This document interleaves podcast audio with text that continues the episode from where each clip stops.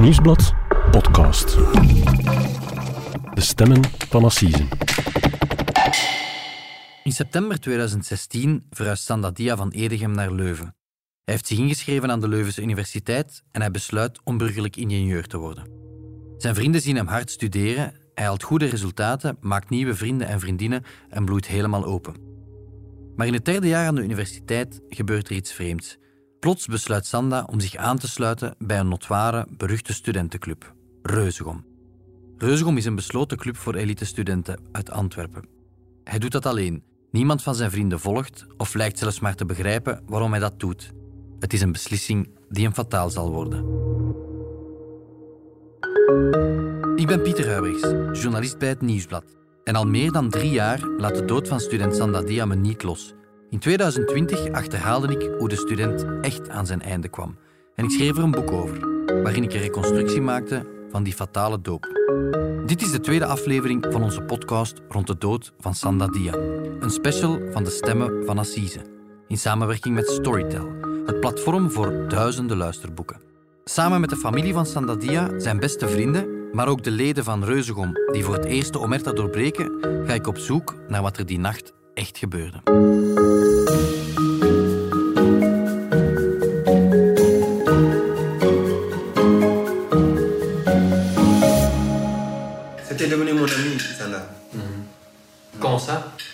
Il a commencé euh, à aller à l'UNIF et après il, il est venu habiter avec moi, on avait beaucoup plus d'intimité parce qu'on était beaucoup de fois ensemble.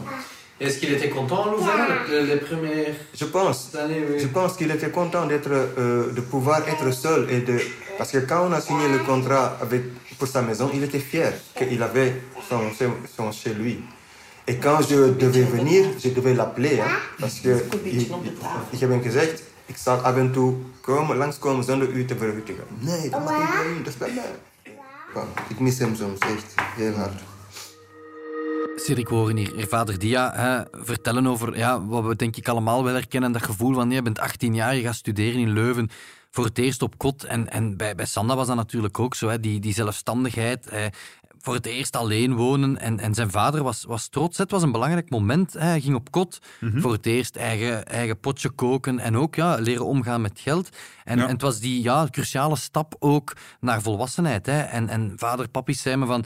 Ja, het was precies voor het eerst dat wij urenlang echt diepe filosofische gesprekken konden voeren. En we konden echt zo van vader tot zoon praten. En, en hij zegt dat ook van ja, eh, Sanda was een, was een man aan het worden. Sanda Dia duikt in oktober 2016 op in Leuven. Hij gaat daar studeren en dat wordt een nieuw leven voor hem. Zo hoorden we ook een beetje zijn vader net vertellen. Hè. Ja, ja hij, heeft zich, heeft zich ingeschreven eh, aan de, aan de Leuvense Universiteit om burgerlijk ingenieur eh, te worden. Hè. Vijf jaar, zware studies. En heeft daar lang over getwijfeld. Hè. Uiteraard, iedere 18-jarige twijfelt wel, denk ik, over zijn studiekeuze. Hè. Het, is- het gaat alle kanten uit die zomer van 2016. Hij wil, hij wil advocaat worden. hè. Ja, dan, dan twijfelt hij, moet ik misschien dokterstudies aanvatten. Ehm, een tijdje oppert hij het plan om space engineering te gaan studeren in Delft, in Nederland. Ehm, ja, na, lang, na veel vijven en zessen wordt het dan toch eh, burgerlijk ingenieur. En hij kiest, hij kiest voor Leuven, Pieter. Ja, je zou zeggen, iemand uit Edegem, hè, die gaat in Antwerpen studeren. Eh, dat was het initiële plan. Maar ehm, ja, bijvoorbeeld zijn beste vriend eh, Ferre, die blijft in Antwerpen studeren. Maar ja, hij wil burgerlijk ingenieur gaan studeren. En dat kan nu eenmaal niet in Antwerpen. Dus hij moet naar Leuven. Eh, hij gaat daar op kot in de Mechelse straat, pal in het centrum van Leuven. En, en de mensen die wel meegaan, dat is Julie, Julie Serien, zijn vriendin, zijn toenmalige vriendin. En haar grotere broer, eh, Lucas Serien. Ehm, Lucas die zat op school bij Sanda en die zaten destijds ook in dezelfde voetbalploeg. Is de broer van Julie dus. Ehm, en dat zal eigenlijk in Leuven een beetje zijn nieuwe beste vriend worden. Mijn beste vriend ben ik niet dat ik de enigste was. Want hem zelf ook zo niet, niet evident te leven. Alleen je gaat altijd hard moeten werken. Dus je bent wel echt wel alles kwijt kunt en die nooit zal oordelen of zo. Nee. Iedereen, en zelfs ook bij de vriendinnen van mijn zus en zo. En dan lag hem ook zo goed. Maar dat is ook met was waar zij mijn problemen kwamen dan bij de Sanda, omdat je het zelf kwam praten. En iedereen, iedereen kon zichzelf echt volledig zijn bij de Sanda. En niet bij iedereen. En dat bij de Sanda wel. Dat was, ja, zo'n natuurlijke scherm aan het ene. Leuven, een studentenstad, Pieter. Dus eh, het leven lacht hen toe. Waar houden ze zich zo allemaal mee bezig? Wel ja, Cedric, ja, 18 jaar voor het eerst eh, buiten Edegem naar Leuven. Ja, de wereld gaat open natuurlijk. Hè. Eh, er, wordt, er wordt hard gestudeerd, maar er wordt natuurlijk ook wel hard gefeest. Het waren geen typische cafégangers die dag in dag uit op café zaten. Maar ja, je merkt wel naarmate die studentenjaren vorderen dat ze wat meer op café belanden, dat ze wat meer mm, gingen dansen naar TD's en dergelijke. En schoonzus Marie en zijn broer Seydou eh, kunnen daar eigenlijk heel passend over, over vertellen. Eh, we waren ook een beetje aan het bekijken van ja, voor het studeren, hoe, hoe ga je dat doen en zo. En dan hebben we eigenlijk besloten dat Sanda dan ook uh, zijn eerste examenperiode bij ons kwam blokken.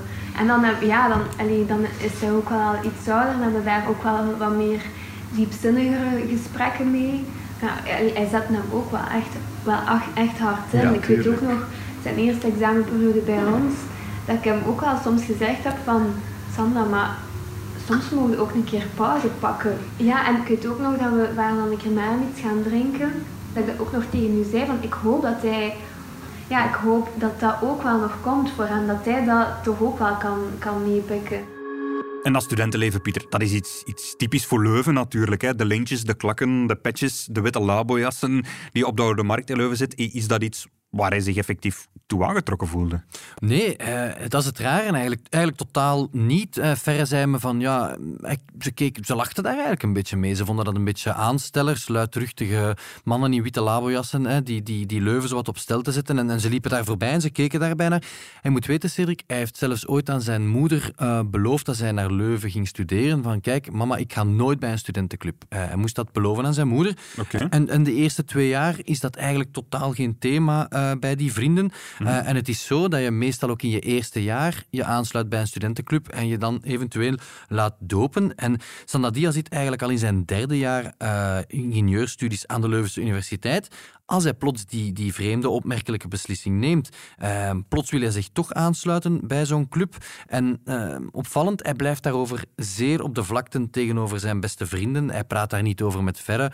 Met Lucas wordt daar af en toe over gepraat, maar dat blijft toch allemaal een beetje op de vlakte. Um, en dat is, dat is eigenlijk heel vreemd, want Sandadia is een heel open kerel normaal. Mm -hmm. um, ja, bijvoorbeeld zijn, zijn beste vriend Lucas, hè, met wie hij elke dag praat, ja, die krijgt eigenlijk niet meer dan een sms um, waarin hij zegt ik ga bij Reuzegom.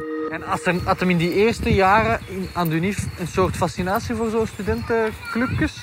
Eigenlijk niet. Uh, we lachten vaak met studentenclubjes. Dan aan mij zie je dat, dat alfa, alfa gedrag voor een lintje. Of uh, mijn gest, het is heel cool wat je aan het doen bent. Ik was toen vrijdag in Frankrijk en een bericht gestuurd. Daarover. In de zomer van ik ga Ja. dat doen. En ik was ook van, ah, nee zeg, wat ga daar doen? Allee, dat is normaal van die, van die eikels die zich beter voelen dan de rest. Dat past ik altijd niet. En wij kennen ook wel de reputatie van die gasten. Hè?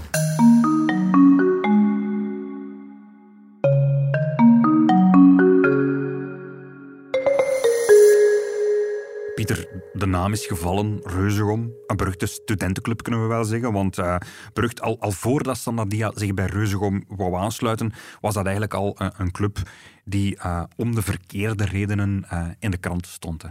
Ja, ja, baldadige drank en drugs en, en veel wilde verhalen. Maar eigenlijk, de oorsprong van de club ligt in 1946, hè, Mhm. vlak na de Tweede Wereldoorlog. Eigenlijk een club die opgericht werd door Antwerpse uh, oud-leerlingen van het Xaverius College in Borgerhout, die in Leuven gingen uh, studeren en zich daar verenigden. En de oprichter is een uh, bekend persoon, Hugo Schilds. Gewezen minister van Staat, flamingant politicus, uh, intussen al wel enige tijd gestorven. Die ja, maakte het eigenlijk een van de grootste clubs destijds in Leuven. En van waar komt de naam Reuzegom dan? Wel, de club heette aanvankelijk anders Oxaco Leuven, oud-leerlingen Xaverius College. Oxaco, um, ja. ja. Ja, ja, Maar Reuzegom, dat gaat eigenlijk terug op een oud lied. En dan moeten we eigenlijk terug naar de kermis van Borgerhout. In de 16e eeuw werd daar een reuzenoptocht gehouden.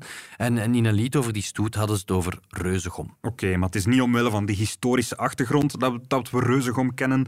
Um, bijvoorbeeld, ik heb niet in Leuven gestudeerd. Ik, ik ben geen student van de Leuvense Universiteit geweest. Maar zelfs ik kende uh, Reuzegom. En vooral de reputatie van Reuzegom. -hmm. Ik heb er wel zelf gestudeerd in Leuven. En, en ik herinner me in mijn tijd, als ik geschiedenis studeerde, dat zij toen al die reputatie hadden van, van baldadig. Hè. Zij waren eigenlijk Ze waren anti-regels. Hè. Ehm, zij weigerden het doopcharter te tekenen. Ehm, ze stonden bekend voor decadente uitspattingen, uitbundige feestjes, veel alcohol, eh, extreme dooprituelen. En Reuzegom, dat waren de mannen die op vuiven al eens op de vuist gingen. Je Eh, bent ze wel een keer tegengekomen. we zijn ze uiteraard wel eens tegengekomen. Ja. Ik ging niet naar de kant tussen van Reuzegom, hè, daar waren we niet welkom. Maar ja, over Reuzegom werd gesproken. Hè. Ze hadden een, een, een berucht stamcafé in Leuven, een café in Den Boel. Ehm, ja, eh, daar, werd, daar, werd al eens, daar lag al eens braaksel, 's ochtends voor de deur. Daar moest de politie al eens toekomen om procesverbaal eh, op te stellen. En we hebben in het begin al gezegd dat het een, een, een, besloten club is. Het is niet zomaar een, een club waar iedereen zich bij kan aansluiten. Nee, er waren eigenlijk twee eh, regels, misschien wel drie zelfs. Hè. Je moest een man zijn, je moest uit Antwerpen komen. En wat enorm in je voordeel speelde, was dat eigenlijk je ouders bijzonder eh, vermogend waren. Als je de, de geschiedenis van Reuzegom gaat uitpluizen, ja, dan kom je bij, bij ehm, ja, mensen van een zekere klasse, je- mensen eh, hoog opgeleid, eh, de ingenieurs, de advocaten, de zwembadbouwers, eh, de tandartspraktijken, eigenaars. En in 2018, als Sanda Dia daarbij arriveert, wie zit daar allemaal in? Wel ja, ook stuk voor stuk eh, zonen van uit gegoede milieus, uit de Antwerpse Gouden Rand, zeg maar. Hè, de, de, de gemeenten, de rijke gemeenten rond Antwerpen. Ehm, ja, de zoon van een rechter, eh, zoon van een ondernemer, van een zakenman, van een bekend eh, advocaat, van een bekend architect. eh, zelfs, zelfs een zoon van een gouverneur tussen. Ehm, ja, er zit ook iemand, ehm, eh, ja, als ik dan kijk naar de oud-leden bijvoorbeeld, zien we een deurwaarder, de baas van een grote bank, eh, iemand met een belangrijke positie bij de Europese instellingen. Vandaar dat we zeggen, Reuzegom, dat dat de club was voor de elite. Ja, inderdaad. Dat was een, een elitair clubje van Antwerpenaren in Leuven. En, En, maar als ze de kranten halen, Pieter, dat heeft niet zozeer te maken met een, met een adellijke afkomst of met eh, eh, de rijke job van een vader. Het is vooral eigenlijk voor een gedrag eigenlijk. En vooral als studentenclub houden ze zich aan een bepaalde folklore, maar in die folklore, daar komt ook heel veel kritiek op. ja, ja, het is puur wangedrag eigenlijk waar, waarmee ze destijds al de, de media, de krantenkoppen haalden. En het is eigenlijk eh dierenrechtenorganisatie Gaia die, die van alles aan het licht brengt. Hè. Zowel in 2009 en 2013 ehm, ja, zijn er eigenlijk schandalen die, die aan het licht komen. Zo blijken reuzegommers, hè, schachten eh, liever, dat die konijntje moeten bijhouden, die ze dan maandenlang moeten verzorgen. En elke schacht moet daar dan weken voor zorgen. en, en ja, in de weken nadien wordt dat dan tijdens de doop, moeten ze dat afmaken en opeten. Ehm, Oei. er is ook een groot incident met eh, een varkentje, in 2009, Spekkie genaamd. Ehm, dat is een filmpje dat opduikt op, de, op de kanalen van Reuzegom en dat Gaia eh, ontdekt op een gegeven moment. En dat is een, een, een varkentje, een soort... ehm, ja, een, een soort mascotte. biggetje. ja, een biggetje, een soort mascotte van Reuzegom.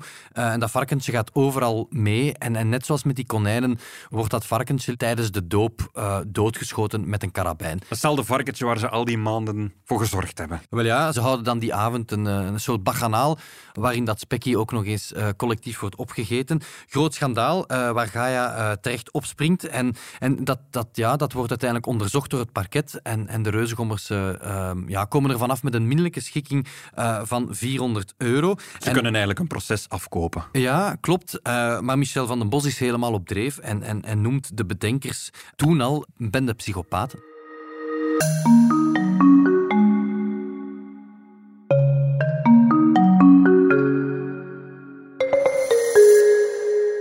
Door al die verhalen over konijnen en, en, en, en varkentjes spekkie natuurlijk, is Reuzegom zo'n beetje studentenclub met mythische proporties geworden. Alleen toch in, in, in de verhalen die daarover de ronde doen. Hè.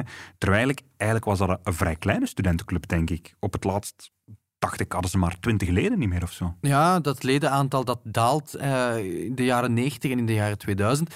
Tot er eigenlijk maar enkele tientallen leden overblijven, jaar na jaar.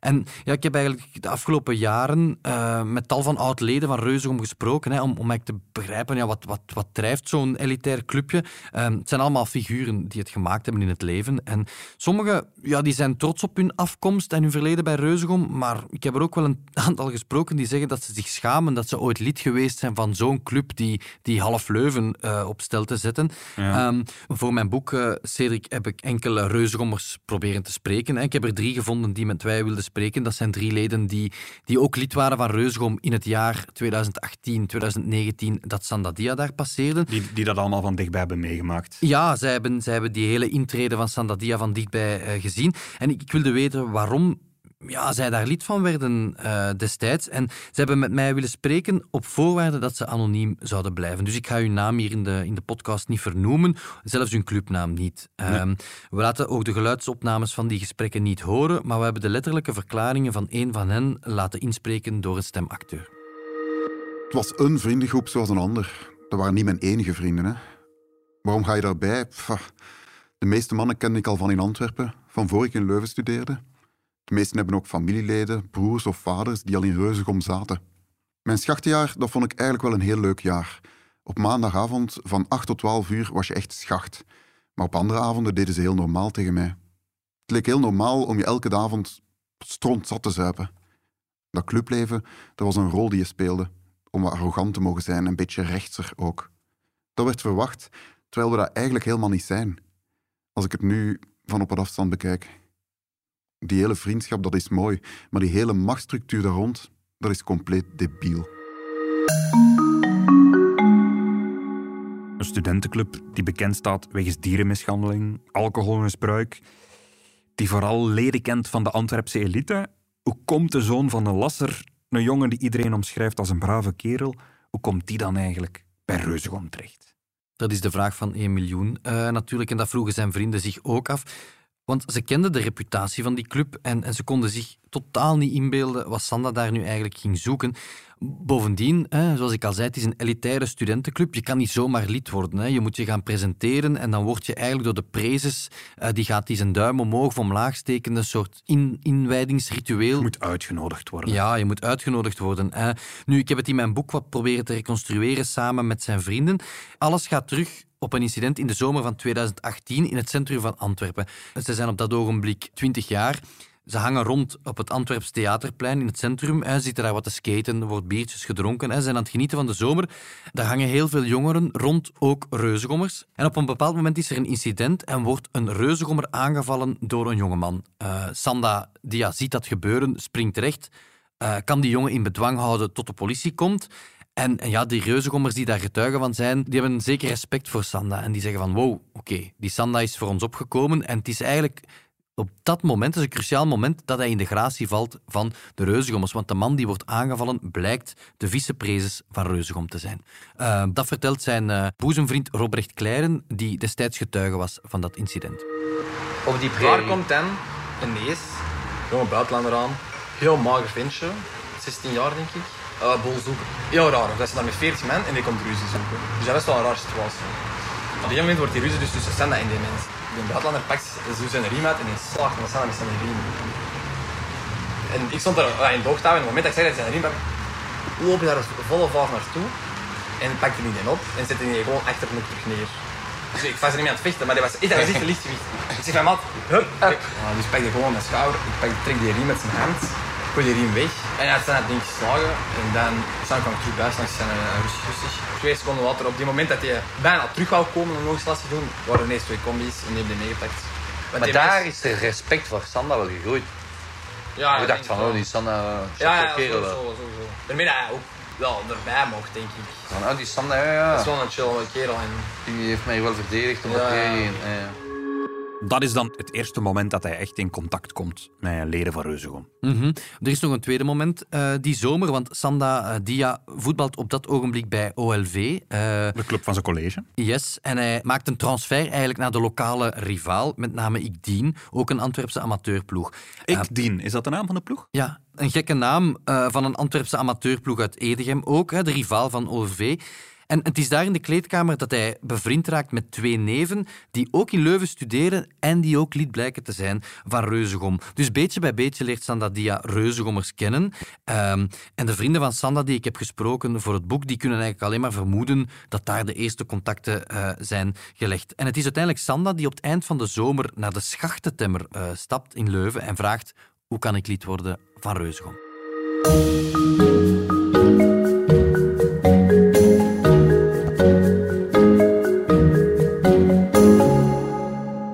Verklaart hoe in Leuven in contact komt met de reuzengommers. Het gebeurt eigenlijk allemaal in Antwerpen. Maar het legt voor mij nog altijd niet uit waarom jij ook effectief op die uitnodiging ingaat. Want ja, zoals dat je daarnet Sanda Dia hebt beschreven, dat is niet iemand die zich zou inlaten met, met, met zo'n baldadige club. waarom loopt hij eigenlijk niet gewoon hals over kop weg als Reuzegom begint overkomt bij ons, wordt lid van onze club? Mhm, Het is een vraag waar ik ook heel lang mee geworsteld heb, want het strookt inderdaad niet. Hij komt uit een totaal ander sociaal milieu. Hij, hij leert mensen kennen die ja, arrogant in het leven staan, zich een beetje verheven voelen boven de massa. En, en, en zijn, ook zijn vrienden hebben dat eigenlijk ja, nog altijd, denk ik, geen plaats kunnen geven. En ik denk dat de conclusie eh, moet zijn dat Sanda vooral ambitie had. Hij was ambitieus, hij wilde het maken. Hij zocht op zich niet echt nieuwe vrienden, een nieuwe hobby, een soort tijdverblijf. Nee, hij zocht naar connecties, hij zocht naar het netwerk. Waarom? Die reuzegommers die, die, die maakten hem wijs, terecht of onterecht, dat ja, als je bij Reuzegom ging, dan kwam je wel goed terecht. Dan kwam je in een soort groep terecht eh, waar voor elkaar gezorgd wordt. In welke zin? De ouders van de vaders van al die Reuzegommers, die waren destijds ook bij Reuzegom geweest en die hadden het gemaakt in het leven. Dat waren de mannen met de topjobs. Ik dacht dat hij carrière ging kunnen maken als hij bevriend werd met Reuzegommers. Mm, inderdaad. Sidou en, en Sanna zijn alle twee ook wel opgegroeid eh, tussen eh, mensen die welgesteld waren. Dus ik herinner mij ook nog gesprekken met hem dat het ging over dat zijn vrienden op reis gingen en gaan skiën en in de zomer. En, en dat Sanna zei van ja, ik wil heel graag mee, maar ik weet niet hoe ik dat allemaal moet doen. Je merkte wel als, ja, je zag dat vroeger ook, hè, als, als, als de mama's en de papa's de kinderen kwamen halen, dat was ook altijd, ja, schone auto's, schone huizen, mooie kleren. Hij heeft het verschil wel gezien en hij heeft niet een minderwaardigheidscomplex daardoor gekregen, maar hij heeft wel het verschil gezien. En hij heeft wel gezegd, ja, maar dat, dat, dat, wil ik ook. Ik denk dat dat hem heel erg typeert. Hij zette, hij zette altijd alle dingen om naar iets positiefs. Niet van, oh gier, ik, nee, ik heb dat- niet. En ik wil dat, ik wil dat wel hebben. En dan ga ik daar ook voor. En daarin, denk ik, kunnen wij wel volledige keuze plaatsen om bij Reuzegom te gaan. Hij was zo hoog mogelijk raken. Hij wou ook eerst advocaat proberen. Hij was wel erg, erg ambitieus. Maar wou zeker kunnen zeggen van... ik- Als ik nu op vakantie wil en ik wil naar uh, Tokio bijvoorbeeld, hè, dat ik het kan liggen en dat kan vertrekken. En zo luxueus mogelijk bijvoorbeeld. die witte Mercedes. Ja, waarom niet de Mercedes? Ja. Ja, wij, in, in, in Merce- ja, ja, dat is lelijk. hè, Maar die, Dat is lelijk. Ja, euh, il me disait non, c'est lui, c'est ce qu'il voulait. C'était ça, la voiture qu'il voulait avoir. Le premier salaire, il va acheter une voiture blanche, une Mercedes blanche. Ja, we horen hier eh, papa, papis Dia, hè, die, die, die vertelt van ja, die, die witte Mercedes, dat was, dat was eigenlijk het ultieme wat hij, wat hij wou kopen. Een soort statement naar de rest van de wereld, naar de maatschappij. Van kijk, met mijn eerste lonen, met mijn goede job, na mijn goede studies, heb ik het toch maar gemaakt. En Dat dat was een symbool voor Sanda Dia. Die witte Mercedes, dat zou betekenen dat hij het gemaakt had. Ja, en hij wist zelf ook wel dat de witte Mercedes eh, vrij lelijk zou kunnen zijn, maar dat was echt zo'n ja, statussymbool. Dat was zijn doel. En Reuzegom, dat was dan voor Sanda Dia het ticket naar, naar, naar zo'n leven. Mhm. Ik denk als je, als je goed naar die quotes luistert van die familie en die vrienden, komt er altijd één woord terug en dat is ambitie. Ehm, hij was dan misschien een sloddervos, maar Ja. Sanda was iemand die ja, bijzonder ambitieus in het leven stond, die het wou maken. En ja, Reuzegom is dan, zoals je zegt, ja, een, tik, een toegangsticket naar zo'n leven. Ehm, ja, feit is ook zeker dat je moest betalen om lid te mogen worden van Reuzegom. Hè. Zeker als schacht moest je een serieus eh, lidgeld, beta- allee, een bedrag op tafel kunnen leggen.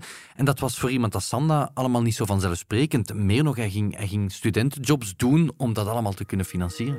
Toch zo, als je moet ook lidgeld betalen, denk ik. Maar ik weet- Om als schacht te mogen deelnemen? Ja, ik denk dat wel. Ja, al die mannen waren dat gewoon niet nauw. Hè. Ik weet nog- dat Sander er super veel moeite van toe was met allemaal mensen te bellen, dus dat kinderen. Dan kunnen mij sponsoren. Ah, dat gaat niet over sponsoren. 50 euro. Nee, het heeft 900 euro gespeeld, 500 euro of zo, 400 euro, zeg maar iets, 200 euro. En Stan had heel veel moeite om dat uit elkaar te krijgen. Dus als hij met dat, allee, dat was echt zo de, die weken voor de dood was hem zo, hij is op zoek naar geld. Dus dan moest echt ook veel werken, ook om zo alles te kunnen bekostigen in Leuven. Hè. Die ging zo elke vrijdag, vrijdag op de Beerschot ehm, hockey tappen. En dan in de zomer ging hij vaak op de Morgenland werken. En zo staat hij, die moest, die moest wel mee bezig zijn om aan zijn geld te geraken. Dus eerst zei hij tegen mij van kijk, ehm, ik zou graag bij een studentenclub eh, willen gaan. En dan vroeg hij van ja, ik ken er veel van studentenclubs. En dan heeft hij zo de, de historie wat uitgelegd van wat een studentenclub is en waarom dat, dat goed is. En ik wist wel dat het bij Reuzegom ging zijn. Want nadien had hem, moest hem ook op zoek gaan naar sponsors. Eh, en dan had hem ook gevraagd aan mij, Ja. om, om te sponsoren. Ik heb het nu gedaan. Het kwam erop neer dat hij zei van ja, kijk, ik wil graag bij die studentenclub gaan, omdat dat mij gaat helpen later om een goed netwerk uit te bouwen. Dus ze gaan mij ook sneller vertrouwen en accepteren om mee in een bepaald bedrijf te kunnen werken. Hij, hij, had- hij was heel ambitieus en hij wou het maken en ja, hij zegt van kijk, wat, kan er allemaal voor zorgen dat ik later goed terecht ga komen? Dat ik een goede job ga hebben, dat ik een familie kan hebben, dat ik ze allemaal kan onderhouden. Die oud-leden en zo, die hebben allemaal wel zotte, zotte jobs. Dan ga ik mij daar eh, lid van maken, want hij zat ook in zijn derde jaar. Het was niet echt om een studentenleven uit te bouwen en vrienden te maken. Hij wou dan lid worden van die studentenclub, om dan later, als hij afgestudeerd ging zijn, eh, connecties te hebben om ergens te kunnen beginnen werken. En ja, en ik denk dat daarin de rol van een andere kleur hebben wel speelt. Ik denk dat we nu eenmaal wel in de maatschappij zitten waar dat als je een andere kleur hebt, wel van vroeg leert dat je je toch wel dubbel gaat moeten inzetten om hetzelfde te bereiken als iemand anders. En echt die naïviteit, Sandra was van enorm goede inborst. En andere mensen zijn ook van goede inborst.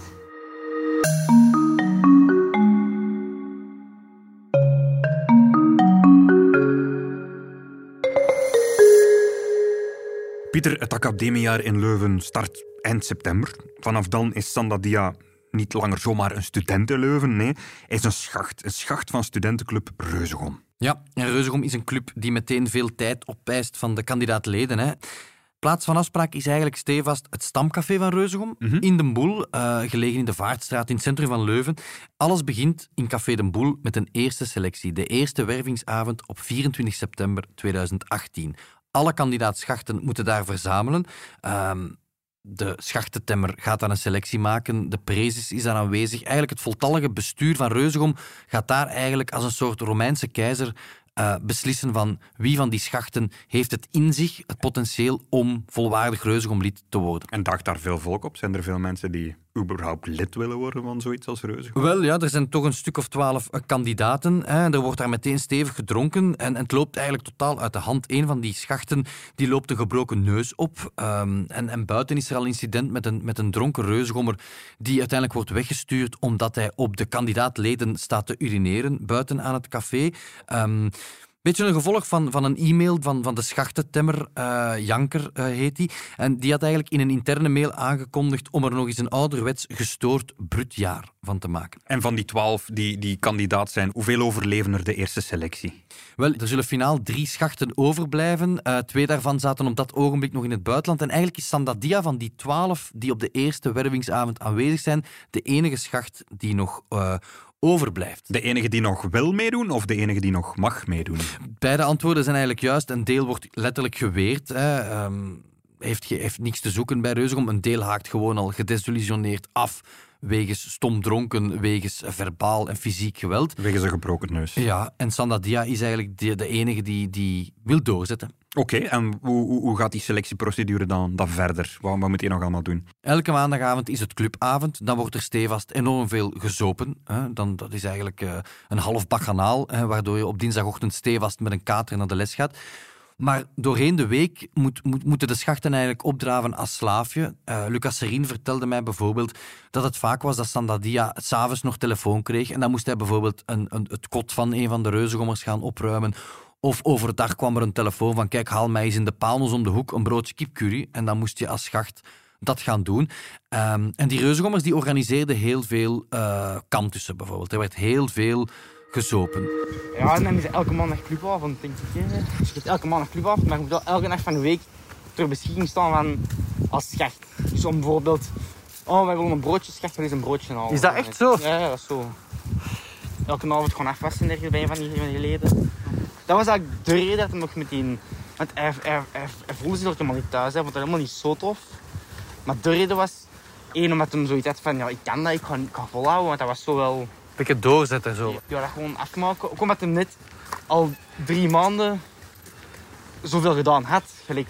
Was van ja, anders heb ik dat voor niets gedaan. Ik kan nu gewoon door totdat, je, totdat ik er, allee, heb afgerond en dan kan ik nog zien wat ik doe. Ik, ik, dat zijn avonden dat ik bij de stand-up kot zat. Die was samen of zo uh, Playstation aan het spelen waren of ze nog uh, iets aan het zien waren. Een filmpje een serie, gewoon zo'n zo zware lesdag zo te chillen. En dat hij van ja, nu ga ik echt niks meer doen voor die gasten. En dat na zo'n 9 uur wordt gebeld van ja, je moet nog iets komen opruimen, tafels verzetten van het feestje ervoor. En dan is hij, dan is hij zo weggebleven. En dan zeg ik gewoon naar mijn kot gekomen, omdat het na 12 uur was. Net dan hij nog 3 uur van opruimen, ik niet veel. Vanaf het moment van die eerste selectieavond tot de doop, dat duurde eigenlijk nog drie maanden. Dat zijn dus eigenlijk drie maanden dat hij zich een beetje als, als slaaf moet laten behandelen door Reuzegom. Ja, dat is een soort, soort vernedering. En, en, en ja, als je dat analyseert, dan is de conclusie dat, dat elke avond van Reuzegom uit de hand loopt. Dat is eigenlijk één langgerekt incident.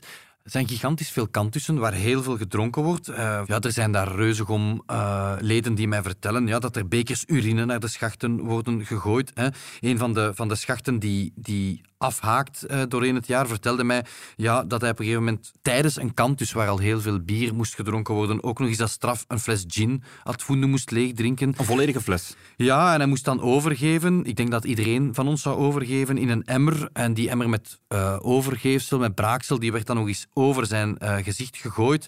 Um, op een andere kant dus moest, uh, moest hij als straf een brandende sigaret inslikken. En, en, wanneer hij dan kloeg over pijn aan de slokdarm, ja, dan kreeg hij nog eens een vuistslag van een reuzegommer uh, in de maag.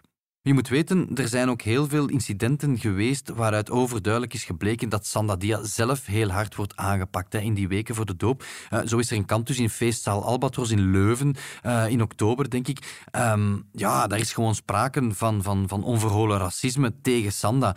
Um, en, en, en het is eigenlijk een van de topleden van Reuzegom die zich racistisch uh, gedraagt. Misschien even de context schetsen, schetsen. Er is een namiddagkantus. Ik had nog nooit van het concept gehoord, maar de Reuzegom was dat een namiddagkantus dus belegd in de feestzaal Albatros. Mhm. Werd stevig gezopen en op een bepaald ogenblik moet uh, de feestzaal opgeruimd worden. En ook buiten aan de uitgang staan nog enkele staattafels uh, die moeten opgeruimd worden. En de schachten zijn op dat moment al, al beschonken naar huis aan het stappen. En een van de Reuzegom-leden uh, roept Sandadia terug en gebruikt het befaamde N-woord, waarbij hij Sanda dus eigenlijk aanpakt omwille van zijn huidskleur. Misschien moeten we eens even luisteren naar wat een ooggetuige van destijds daarover verklaart. En dan zijn we buiten gekomen in, in dat klein gensje van auto's moesten al die tafels gestapeld worden. Ja. En die stonden allemaal fout waardoor we dat poorten mee dicht kregen. Want op het einde met, met Sanda was Sanda ook alleen. Al was, um, ja, de straat is er niet, kan niet. Maar hij was al weg aan het wandelen. Toen hebben ze hem toegeroepen met die woorden. Sanda kwam dan toegewandeld. En toen heb ik ook nog tegen hem gezegd van, je moet zoiets niet laten zeggen, zoiets in de aard. En dan heeft hij zo gemompeld slash gebarentaal van, lei zal Laat het zo gaan. Ja, laat het zo. En waar riep het exact? Nee, ik een stuur. En jij hebt die, die mannen aangesproken gezegd van... Ik heb wat toen gezegd, mama, zoiets zegt je niet. En toen hebben die nog geantwoord van, jij moet je bemoeien met je eigen zaken. Echt zoiets. En dan hebben we dat gelaten, want ik zeg het, ik wou ook gewoon gaan slapen. Dus ja, de reusgommers hollen in die periode, hè, najaar 2018, van incident naar incident. Zo is er ook een filmpje opgedoken uit die, uit die periode, ja, waarop te zien is hoe enkele reusgommers een dakloze benaderen. Een dakloze die staat te bedelen in het centrum van Leuven. Het lijkt eerst op een, op een nobele daad. Hè. Ze, ze, ze, geven, ze hebben de intentie uh, om hem wat geld te willen toestoppen. Maar eigenlijk blijkt, als je het filmpje uitkijkt, dat ze hem gewoon zitten, zitten uit te lachen. En, en ze scanderen zelfs handjes kappen, de Congo is van ons. Dus Sandadia wordt uitgescholden. Hij is Mhm. slachtoffer van racisme. Hij is ook getuige van andere racistische incidenten. Waarom stapt hij niet gewoon op? Ja, volgens zijn vrienden was die doop een, een eikpunt in zijn hoofd. Hè. Hij was drie maanden lang uh, aan het afzien. Maar na de doop, dan op 4 en 5 december 2018, zou het allemaal voorbij zijn. Hè? En hij had het gevoel van, ja, als hij nu net nog voor de doop zou afhaken, ja, dan was al dat afzien de maanden voordien eigenlijk voor niets geweest. Hij heeft er over getwijfeld, maar dat was zo echt op de weken voor de, voor de doop.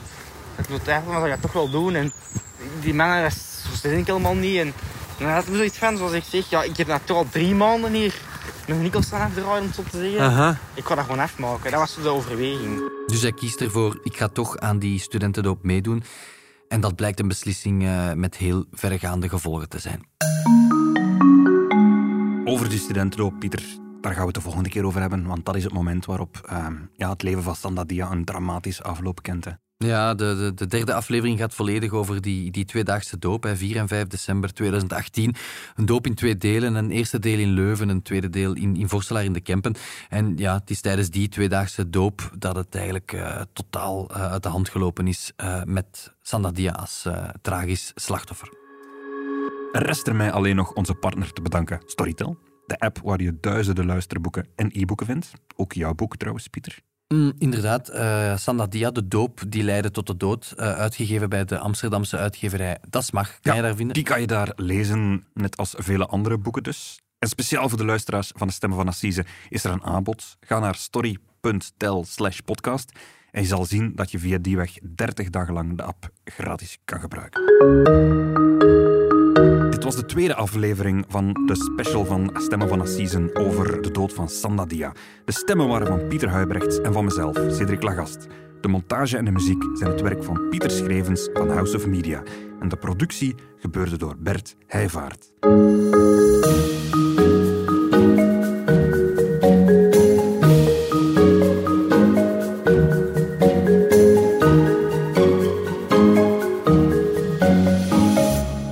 Nog meer podcasts over misdaad en justitie? Luister dan elke vrijdag naar de Stemmen van Assise. In deze podcast duiken we elke week in een interessante rechtszaak en nemen we je mee achter de schermen van de rechtszaal.